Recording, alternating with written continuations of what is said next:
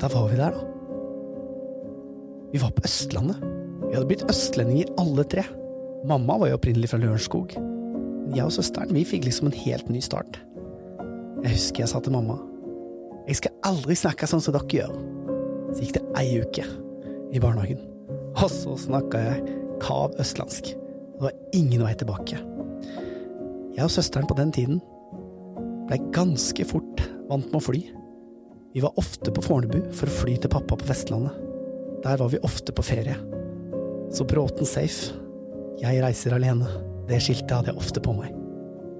Så barndommen startet sånn ordentlig når vi flytta til Holt Vestfolden, Skedsmokorset. Der vokste vi liksom opp. Det var meg, søsteren og mutter'n. Det var meg og jentene. Så jeg måtte jo tidlig lære meg at tålmodighet på badet, det var bare å finne seg i og vente, for vi, vi hadde to jenter, og da tok det sin tid ofte. Men jeg husker der fikk jeg mine første venner. Sånn ordentlig, ordentlige venner.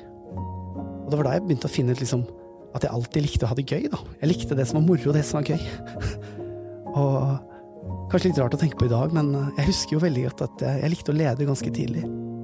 Vi hadde en crossgjeng i gata. Jeg tromma sammen alle kompisene, og så var jeg lederen. Jeg syntes det var så gøy. Å lede dem. Hvor skal vi dra? Det gjør vi, gutta. Kom igjen. Så jeg så alltid folk. Inkluderte alle, uansett hvem du var, hvor du kom ifra. Så var du alltid velkommen hos meg. Jeg dømte deg aldri uansett. Det var først når vi kom på ungdomsskolen.